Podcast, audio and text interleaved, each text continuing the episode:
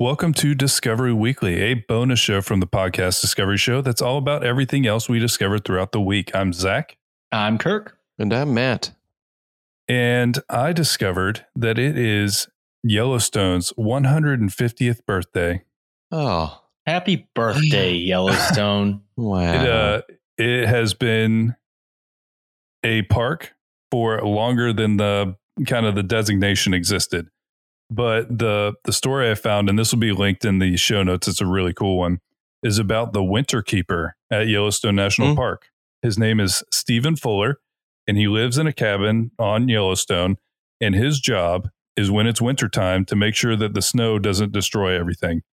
And so he and his wife live there and he actually got this job in 1973. So he's watched Yellowstone for the past 50 years. Wow. And it snows so much there that he has to kind of go around to all the buildings and make sure the snow doesn't cave in the buildings. So hmm. throughout that entire time he's doing that. And he basically it was it was the first national park for for America and it actually turns 150 on March 1st. And he is the longest winter keeper in the in the history of the park. But basically he said he's seen a lot of things that have changed, you know.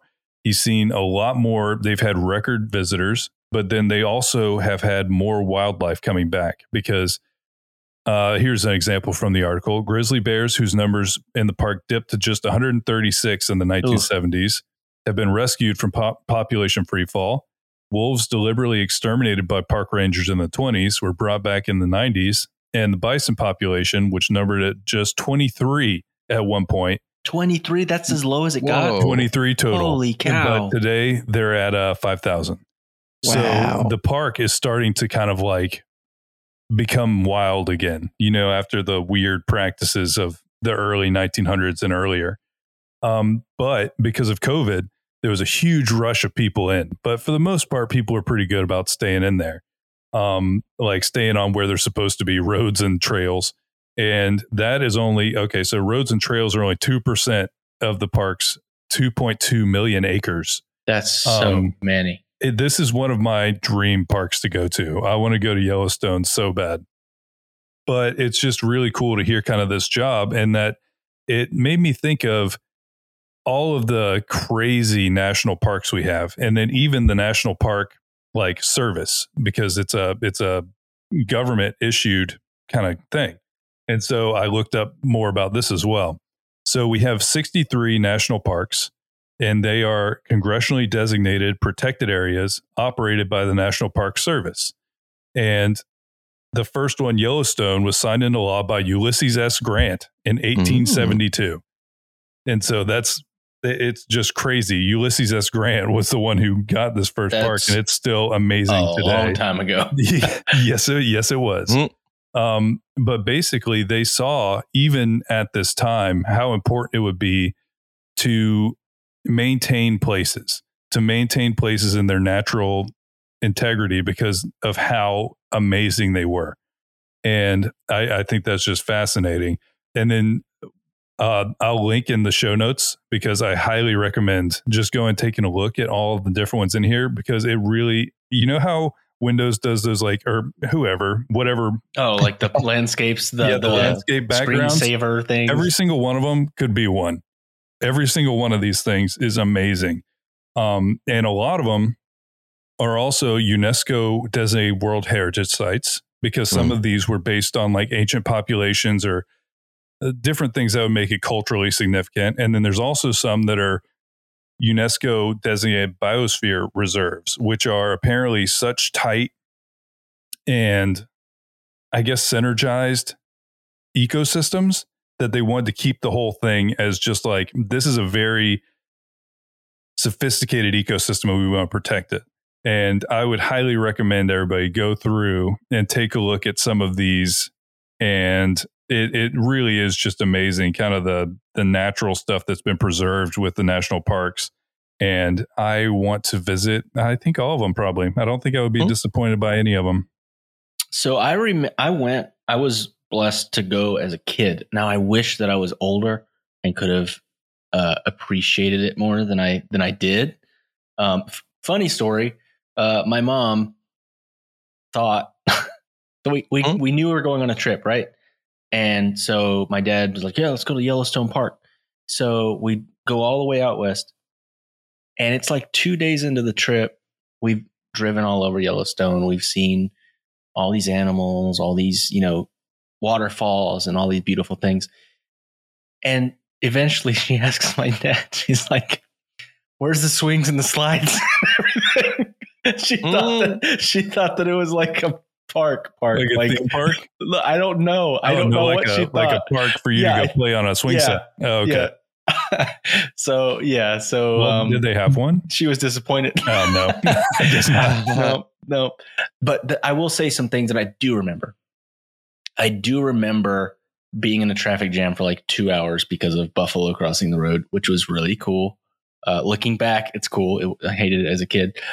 um, Mm. I got really bored. Uh, but that was really cool. I remember Old Faithful was really boring. Again, I want to go back as a grown up because as a kid, I was like, they built this thing up to be like this cool, amazing thing. And I get why it is, but as a kid, I was like, it just looks like a fountain. This It- it- it stupid just- water. it just shot up for like three seconds and then it's gone. I don't get why this is special. Um, and I remember that there was all of these pits that are the sulfur pits and stuff, and it smelled so bad. so that's what I remember about it. So I want to go back. I do love remember the good kid brain synopsis we just got. There's a big stupid water. There's no swings, and it's stinky. There's a Exactly. big stupid water. It's stupid buffaloes get you stuck and you have nothing else to do. yeah, one star. One star. No Yellowstone, swings. eat it. No swings. I didn't see Kevin Costner once. oh man. Well, I found an article that uh, this this whole thing is just so good. It's a great article, um, but the story is it's it's amazing. It is about the first spacesuits that were made for uh, for the astronauts. Uh, it, it reads one of the underrated technical challenges of going to the moon was designing the spacesuits. The suit had to be inflated and pressurized from the inside, meaning they had to carry around a tiny version of the atmosphere that human beings require to stay alive. The suits were, in essence, sophisticated balloons. They also had to be tough, though. They had to be able to withstand a temperature range of perhaps 500 degrees. From negative 280 degrees in shadow to upwards of 240 degrees in the sun as well as survive being hit by, and I didn't even know this was a thing, survive by being hit by micrometeorites going Hmm. 36,000 miles per hour while astronauts were wearing them. What? So this is what went into, this is what needed to be done for a spacesuit. Um, but all of that, but they also highlight that the most daunting of the challenges wasn't all of those things, but it was making it flexible as well because the astronauts had to be able to do things, you know. Um, To actually move. yeah, exactly. Because you could put them in a in a you know a metal coffin, and they they they're going to be fine, but they're not going to do anything. But the company that actually did manage to figure out and solve these problems was not one that NASA was expecting. It was Playtex, the famous bra maker and the one that made girdles in the 1950s. Girdles. Yeah, Girdles. that, that I actually kept that in because I wanted to make it, it dates it for us. Oh, yeah. know? girdles. Yeah. Um, For anybody that doesn't know, girdles are early Spanx. uh, by the way, I listened to a podcast the other day, and the Spanx lady is a billionaire because of that Yeah. product. It's fascinating. That's a crazy story too. Anyway, it's different. Um, they actually Hmm. won the contract to make the suits as a subcontractor contractor for Hamilton Standard, but then there was this whole big falling out thing, and Hamilton Standard was fired. Uh, and after the firing, NASA staged a competition to see who could make the best suit. So Playtex wasn't invited this time to participate in the face off, and company officials immediately flew to Houston so Playtex flew people to Houston and essentially begged to be allowed to submit a suit into the competition at their own expense. They weren't going to use any of NASA's money. They were just going to do it themselves. They said, just give us a shot. They just wanted to be tested alongside the others. They only had six weeks to develop this suit. And they opted for a layer design, and it had each suit had 21 layers of fabric. Um, after its furious abbreviated development and production, the Playtex suit went head to head with its rivals in a demanding series of side by side tests. During one, the helmet of one of the competing suits blew off with the test subject inside. That's not good. the other competitor's suit had shoulders so wide that once inflated for the surface test, the astronaut couldn't climb back in through the hatch of the mock up lunar vehicle. Um, the Playtex suit by far was judged the best. Later, to bolster its case, Playtex produced a completely different kind of tryout. It sent Tom Sylvester, one of its suit testing technicians, out to the football field at Dover High School near the Delaware factory. He was dressed in an early version of Playtex Apollo suit with attached air hoses and everything, and he was accompanied by the staff, and he played football for several hours in the suit while being filmed with a hmm. colleague who hmm. was dressed in ordinary street clothes. And he has a quote in here. He said, I ran, I kicked, I punted, and I passed, says hmm. Sylvester in a documentary about the moon missions. Um, it was just this crazy story about how NASA, this extremely male dominated industry, basically had to saved by capitulate. girdles. Yeah, they were saved by girdles.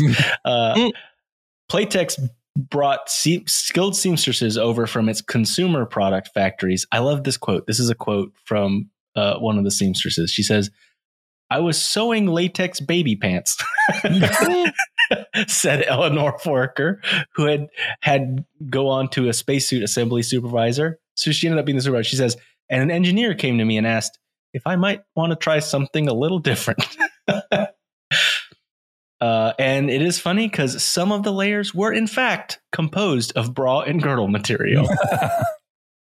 Wow. well, and even more fascinating, Playtex to this day still continues to make NASA spacesuits. really, Yeah, they had their own division now, uh, ILC Dover, uh, but that that is completely made for making NASA spacesuits from its headquarters at One Moonwalker Road. I love it. It was just a fascinating story, and actually, they mention how it's a crazy enough story to be made a movie, and it has been the uh, the option for a movie has been bought already, but it hasn't been made yet. But it is a crazy story. I gotta say, you set me up pretty perfectly for the next one. Uh, that does sound like a pretty incredible movie. Um, I am going to talk about 15 incredible films that almost never got made. We So planned that. We nice. planned that. we did somehow. Uh, I'm kidding. I I- had that no idea crazy. you were talking about films. I, I was thinking of how to how to bring space to films, and I was like, I don't know. And then you I did it for that you. up right at the end. I, I got to say thank you very much.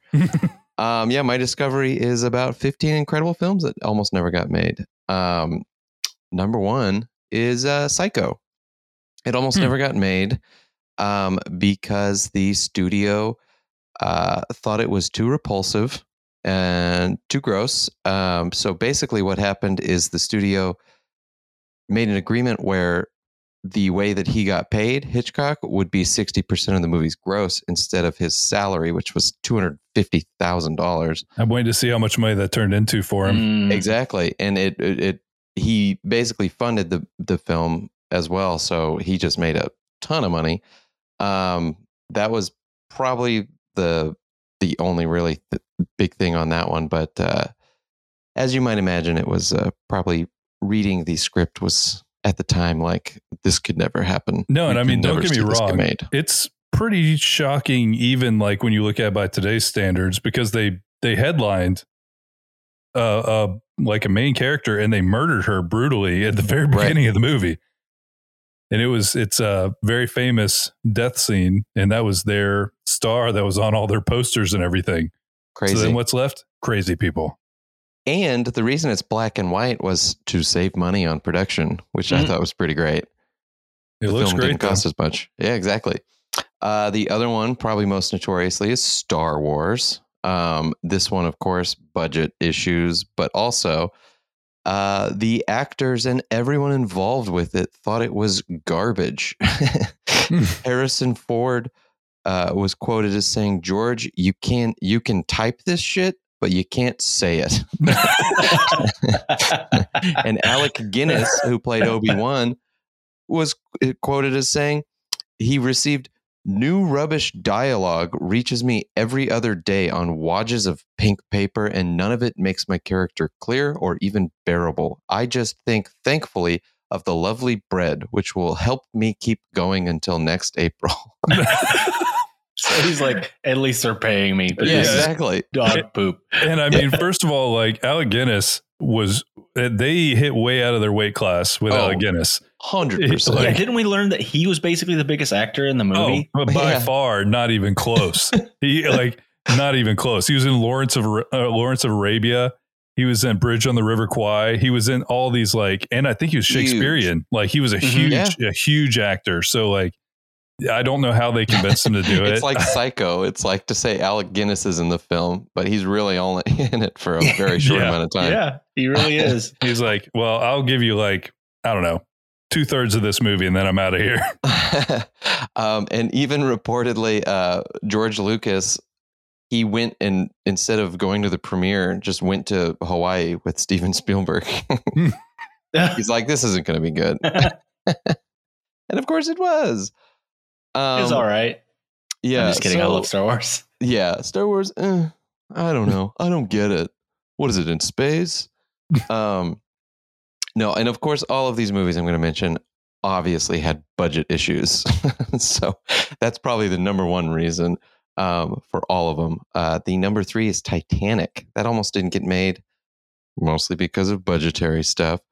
but, and this is pretty wild, I did not know much of this. Uh, Kate Winslet kept getting colds, flu, or kidney infections due to long hours spent in cold water. Three stuntmen had their had broken their bones while several other crew members left the production altogether. And even though Kate Winslet almost begged James Cameron to let her play Rose after working on the movie, she pledged to never work with the director again mm. unless she, quote, earned a lot of money. Um, and this is pretty wild. One day during uh, lunch, someone put a dissociative drug, the dissociative d- drug PCP, in people's soups during what? lunchtime. it, quote, there were people just rolling around completely out of it. Some of them said they were seeing streaks and psychedelics. What? Uh, yeah. The drug sent 50 people to the hospital. Oh my God. and did they ever figure out who did? I don't know if it probably says it in the article, but that's crazy. Isn't that crazy? Um, and then James Cameron, after he like made the movie and they were like, we're going to cut the movie because it was too long. He said, you want to cut my movie? You're going to have to fire me. You want to fire me? You're going to have to kill me. So no one, no one enjoyed working on that movie. but uh, here it is, being so great. Back to the Future Back to the Future almost didn't get made. Um, and this one's weird because they thought it was gross that a mother falling in love with her oh, son yeah. was not appropriate for a family film. Yeah, there's definitely uh, the movies that made us episode about Back to the Future that's great. Yeah. That's a great show, by the way. Have you watched that show, Matt? I have not yet. Oh, you, you need to find uh, it. I mean, you need, you need to watch it. It's on Netflix. It's really good. We learned a lot about Home Alone was another one that almost didn't get made. I don't know if it's on the list, but that was a really fascinating one. Yeah. Huh and then and Ghostbusters. Ghostbusters was another one. It was that was a crazy one. But Everyone yeah, no, thought that was. I mean, a really stupid idea. definitely Back to the Future. His mom kisses him. So like, yeah, yeah that's. That is weird. um, that was really the main reason on that one. and There's of course, like, no, ew. Budget issues. Um, number five was Little Miss Sunshine, which is weird. Um, for they budget, really, yeah. yeah, I don't know if that one was budget, right? well, it was. It was. They just couldn't get a, a studio to back it because oh, okay. there wasn't enough star power, which is crazy mm. to me mm. because Alan Alda's in it, and so is Greg Kinnear and Toni Collette. And um, Paul Dano is in that yeah. too, right? And Steve I, that Carell. might have been one of his first ones, though. Yeah, no, and I, I mean, I guess maybe we're looking back on it like differently because all those people are big now, but they weren't at the time. I guess. And I mean, you're kind of looking at uh, a series of people who are not like overwhelmingly like normal likable, you know. So it's not your typical Right. movie. So they That's were probably kind of in that indie space, and people were just like, no, this is. You can't make a movie about somebody just try to commit suicide, going on a road trip with his dysfunctional family. Well, it's just so crazy because they the ever the studios didn't want to get involved because there were no movie stars and there was no foreseeable foreign box office for it, which is so crazy. Because it, down here it says it received 81 award wins and like literally proved everyone wrong. I think it's a really good movie. it's amazing. I've never seen that whole movie. It's really good. Amazing. It's worth the watch. oh, love it. Um, I just had the van. That's all. Yeah, you did have a van exactly like that. That was a beautiful van. I miss my van. I'm sure everybody knows about Toy Story being not almost not made because of Disney and Pixar issues. So I'm not going to go too in depth about that.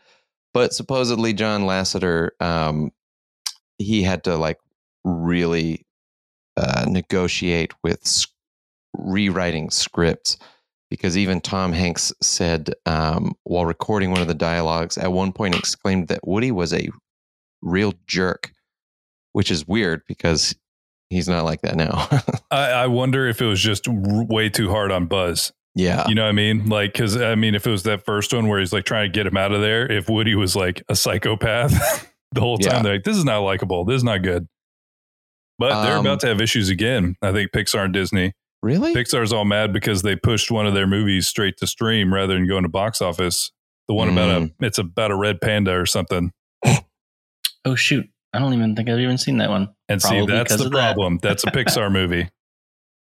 All right. Uh, I yeah. there are a lot of them on this list, so I am just going to uh, go to a few more of them, and then we'll move on to another one. If you want to check them out, it's 15 incredible films that almost didn't get made on Bored Panda.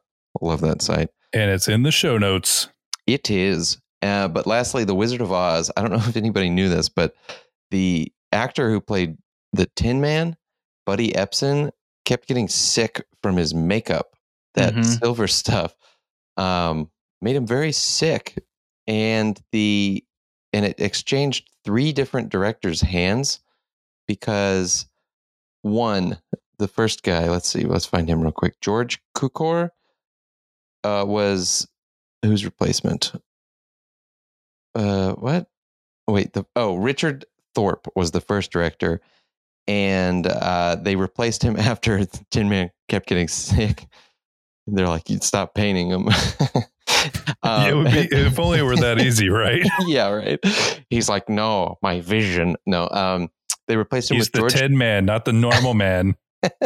replaced him with George Cukor, who later left the film to work on Gone with the Wind. But then Victor Fleming took his place, but not for long because George Cukor got himself fired from Gone with the Wind by Clark Gable. And it says the, the rumor was that it's because Gable found out that uh, George Cukor was gay. And then he came back to work on The Wizard of Oz. And this was, of course, the time when anybody gave a shit about that. Yeah.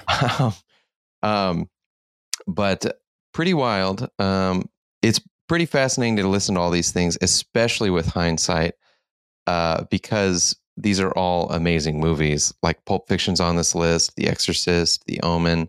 So, like all the Um, classic movies. Yeah, all movies that you really enjoy. It's basically like I always think about it in terms of risk. If you took risks as a filmmaker to make the thing that no one's that everyone said couldn't get made, it's probably going to be pretty good, Yeah. It's it's fascinating to see how much Hollywood doesn't know what people want. right? It's Uh, true. because it just feels like they're always getting it wrong. They're like, "This is gonna be garbage," and it's amazing, and then they're like, "This is gonna be great," and it's garbage. Hold on, I got to bring this up. This is pretty funny. Uh, one on, one on the list is being John Malkovich. okay. and that makes w- sense. One of one of the one of the uh, studio chairmen asked um, Kaufman. He's like, "Why the fuck can't it be Tom Cruise being Tom Cruise?" okay, I mean that That's pretty perfectly good. explains the uh, perspective of a producer. yeah, pretty funny. That's pretty But- funny. But I mean, saying that to Kaufman, I would love to hear his response to that because that's not the guy to say that to. He never picks like major leads. Well, I guess Jim Carrey, kind of in Eternal Sunshine.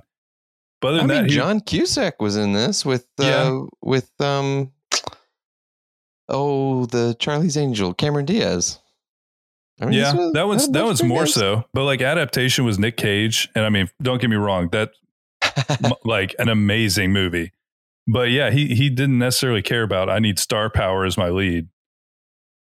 And he So kind of funny. in like Eternal Sunshine, he kind of went against type with Jim Carrey. Yeah. He gave him like a a normal movie. Yeah. But yeah, I would Pretty love to hear the conversation. I would love to hear how Kaufman responded to that. He's like, I'm not putting Tom Cruise in my movie, you idiot. you dipshit. uh, Okay, and now a quick word from our sponsors. 30 seconds. Ignition sequence start. We got a roll program. It's not rocket surgery. The latest in science, technology, and geek culture.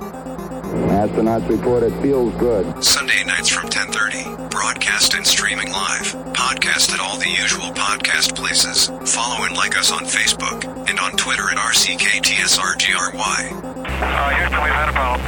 Computers now have primary control of critical vehicle functions. The Eagle has landed. So I discovered this week an invention of Ben Franklin's that you should hopefully be able to hear in just in just a moment. This is called the glass harmonica. And this was because Ben Franklin saw someone have you ever seen somebody like dip their finger in water and play a wine glass? oh yeah, yeah. mhm. he saw somebody doing that, but he made an invention so that it was more like a an An instrument. instrument. So Oh my gosh. hopefully you're going to hear this right now.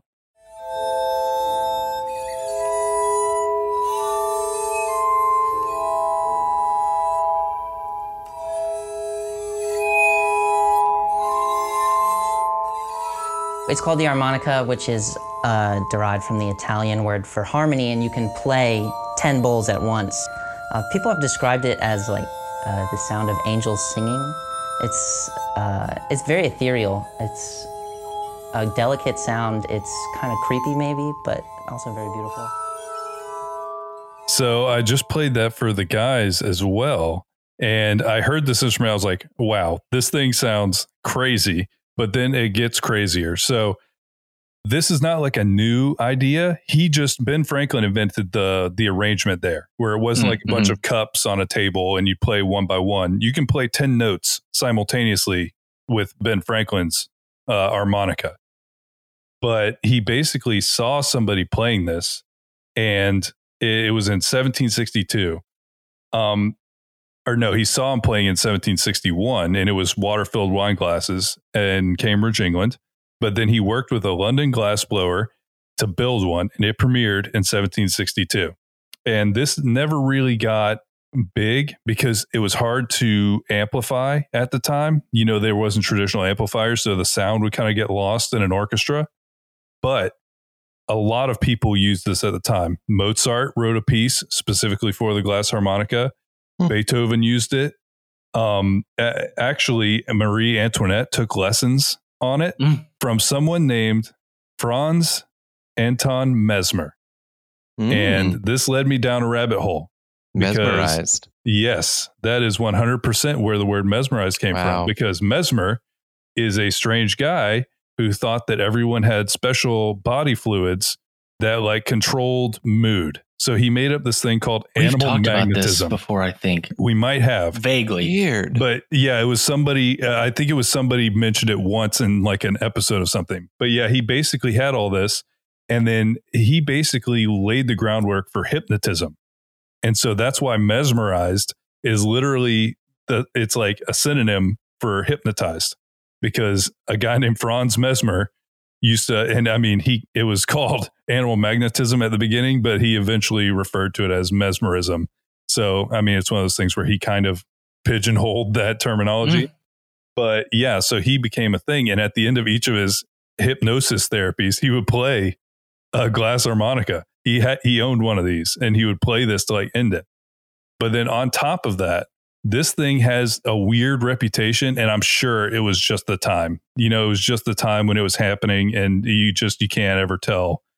But this had a really bad like reputation for purported dangers. So it didn't have a lot of popularity past the 18th century and that was partially like i said because you can't really amplify it very well at the time. But there's also strange rumors because apparently if you listen to it the musicians and the listeners go mad. Mm. And but it's like it was a lot of them. Um, but basically they said that you should like if you're playing it, you can go insane and then also hearing it. But I mean, you think about like 1700s, they hear this thing that sounds like that. You know, I do think it sounds very ethereal. yeah, it sounds like strange. something you would hear in a horror movie, like for real. It doesn't sound bad, but it just has this weird ominous sound to it. Hmm. See, I pictured uh, the Harry Potter theme being played on it. Yeah, I honestly, I, could see think that, that. would work.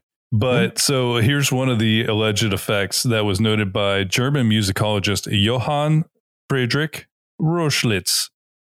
And here's what he said The harmonica excessively stimulates the nerves, plunges the player into a nagging depression, and hence into a dark and melancholy mood. Mm. That is an apt method for slow self annihilation. And then he basically said this this is his warnings after it. If you're suffering from any nervous disorder, you should not play it. If you're not yet ill, you should not play it excessively. if you're not, if you're feeling melancholy, you should not play it or else play uplifting pieces. But yeah, it became this whole thing of like it they thought it made you sad. They thought that literally hearing or playing this would mess with you. Um, and then some people said they gave you lead poisoning because they're using lead glass. Once again, there's no scientific basis for this. Um, but they they said it and it was the 1700s. So if you said they're like, well, that man knows what he's talking about because he said it. Um, but yeah, now this has kind of come back a little bit because it's so interesting and such a strange tone. You know, I don't I don't think of it. I mean, you could probably get something like it with synths because you can just kind Mhm. of create what you want out of it. But as far as like a physical instrument that makes this sound, I can't think of anything that sounds anything like that. Mm-mm. No, it's a very unique sound. And the device to give a visual for those that are only listening to this is it looks like a lathe with like a bunch of stacks of glasses like that get progressively larger. Yeah, and that's basically it. I think it's 37, I think it said. I can't I can't And I did find it right notice that some were like colored on the rim and the other ones weren't, almost like a piano. You Uh, yeah, I think white and black your keys. keys. Yeah, your Mhm. notes. Hmm. And so what you would do is it's like, yeah, it is like a lathe. It's kind of at a little bit of an angle. And you play, you can play 10 notes because you can use all your fingers and just it rotates because of a pedal you have. And you just put your fingers on it. You're still supposed to. and it works in the just water. like now I'm, i was wondering so do you put your fingers in the water or is there like some mechanism that like keeps no, I think you glasses dip your fingers in water Gotcha. and then do the, do the same thing. so funny That's so funny. That is, it's like, wow, this, I have this idea of an invention. I saw someone chopping wood. What if I made a wood chopper and it's just like a bunch of bunch of axes on a lathe? just like it's like a bunch of axes combined into one weird thing. that was like the invention from uh, Beauty and the Beast that the dad had. yeah. that weird Yeah, chopping does. machine. Um, no, it's that's fascinating. Hmm. Uh, I want someone to make like an orchestra of nothing but weird instruments like this. They're called Blue Man Group. But like, remember we we learned about what was that other one? It was a uh, it had a water basin thing, and it was it's it's specifically Oh, the used horror for movie one, right? for horror movies. Yeah, um, it's it's a really weird looking one. We talked about it on the It show a long time something ago. water something. Mhm. it's a glass. No, yeah. What is that called? Water. I I can't can't remember, but I know what you're talking about. I love that thing makes crazy sounds. Yeah, and there's there's weird, there's just really weird instruments that are not used regularly, and it would be really cool to have somebody that just makes an orchestra of nothing but obscure instruments. Yeah. It would sound Like, crazy. And I mean, idea, now we know that we'd all go insane if we listened to it. Uh, it would sound crazy because it would make you crazy. Yeah. Speaking of crazy things, I just read this article um, me and Zach were just recording our other podcast that we do uh, with work, which is an ag podcast. And one of the discoveries that we were talking about in there, which is an ag based discovery or innovation, was something that I thought was fascinating. It's a really short one because I just want to pick one of these out, but it's a laser scarecrow. um, so basically, since forever, birds have been an issue for farmers, especially grain farmers. Um, it, it says on here, and I mean, this is an ag uh, website, so I'm sure that they know the, the statistics. Pests like starlings, blackbirds, and crows can destroy up to 75% of crops within 48 hours of harvest, uh, leading to huge losses in revenue. Growers have tried everything in the name of pest control, from traditional scarecrows to propane cannons none of which have outrun the evolutionary wit of nature. Um, we here in where me and Zach live, there's a lot of strawberry growers, and sometimes the robins will come down and they have those propane cannons that they put out there. They don't actually shoot anything. It just it's a really loud noise. So it sounds like a pipe bomb that goes off every like 15 hmm. minutes. it scares off the birds. Um, but uh, recently, a researcher from the University of Rhode Island has invented a new deterrent to keep these birds away. The Laser Scarecrow Project, it projects green laser lighting not visible by humans in the sun.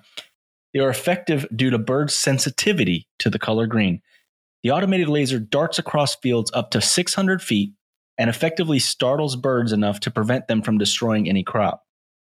They're oh. less environmentally destructive and much less labor intensive because I guess the other alternative is to basically net your whole field, like put a net over it, which has got to be like an insane amount of labor to do that and infrastructure. And especially for grain crops, that's, you know, you're talking about thousands of acres. Um, there have been different variations of the laser technology, some of which came solar powered, which I think that's awesome because a lot of these are in the middle of nowhere. It's farms.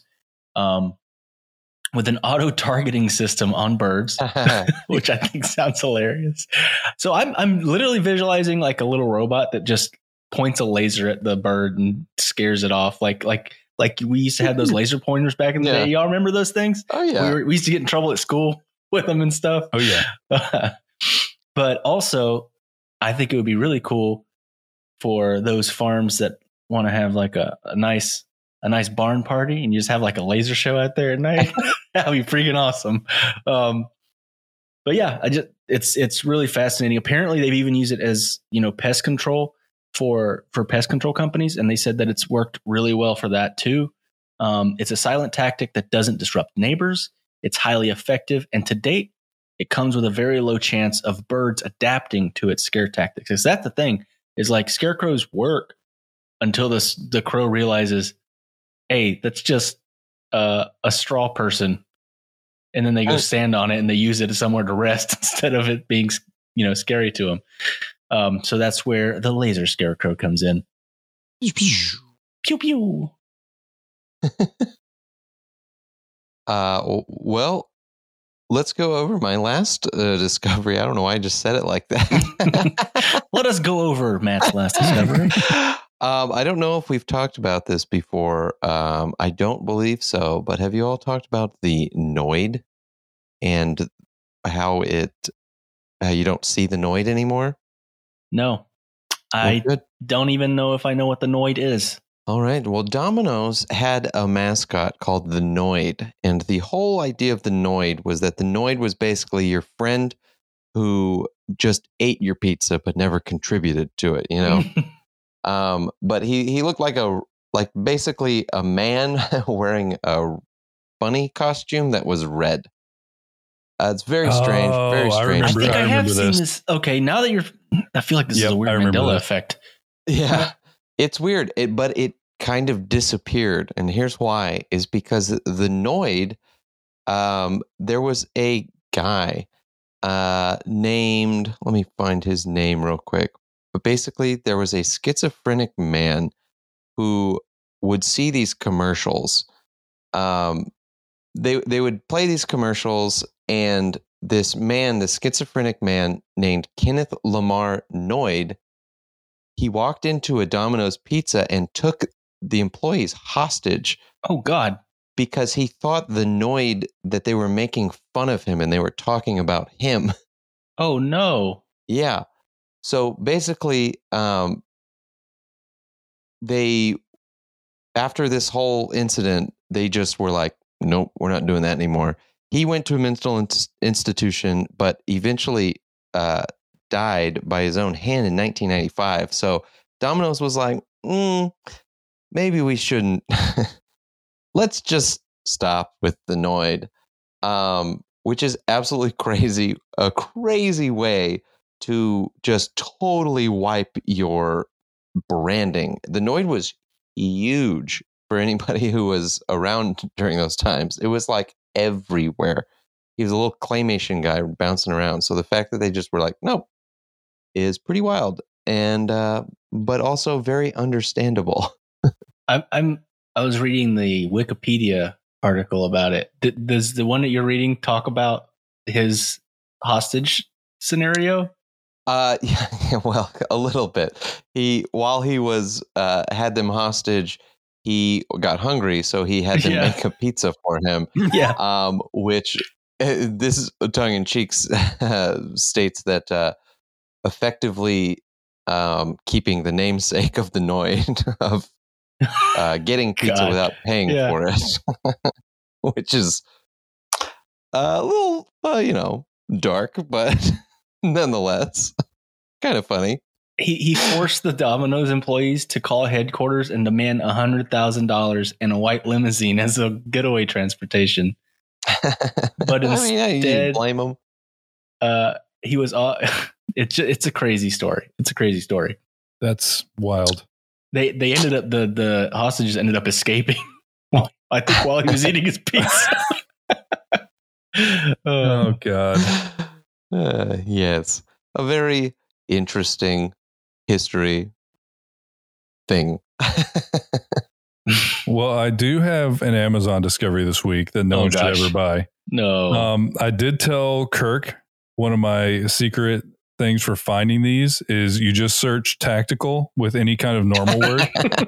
um, and and I Did you found search one. tactical banana? no, this is a Oh. tactical mug. And by tactical mug, I mean the dumbest possible way to spend sixty dollars. oh my Um, god! This is a mug that has rails on it, like an assault rifle would, so you can attach like scopes Mm-hmm. to it.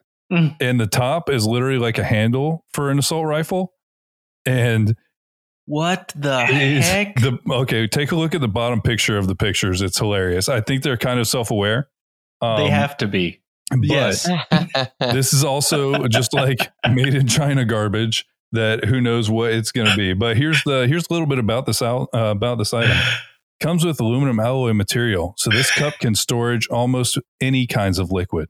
Safe It and can durable. storage it. Yes. Can storage boiling water and cold water. Hot water up to 120 degrees Celsius, and it breaks all that down.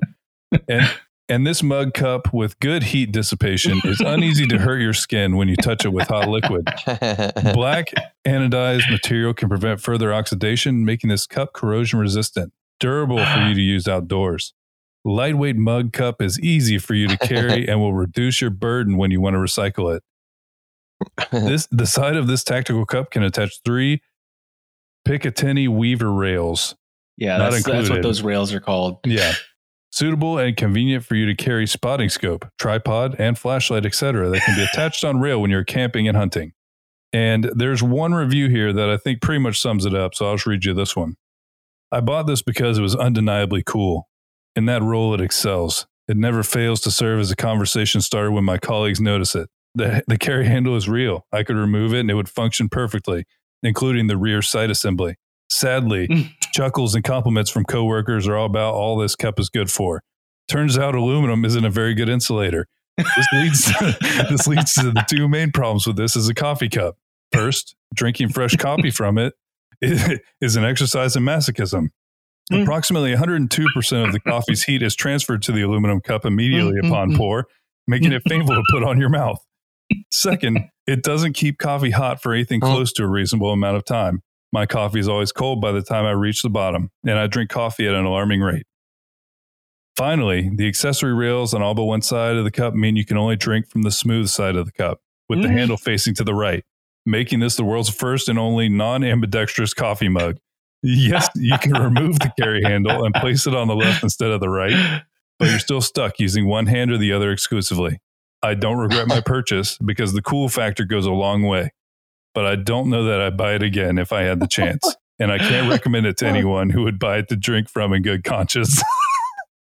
so Oh my god. I think my favorite thing about this whole ad campaign for this the advertising for this cup is that they picked what looks like a white supremacist. as the it's an angry white dude as Yeah. the the model for the cup. he literally just has a grumpy face and like a, an affliction t shirt. He looked like he's holding a torch under the camera. So he- he's he's just ready to go.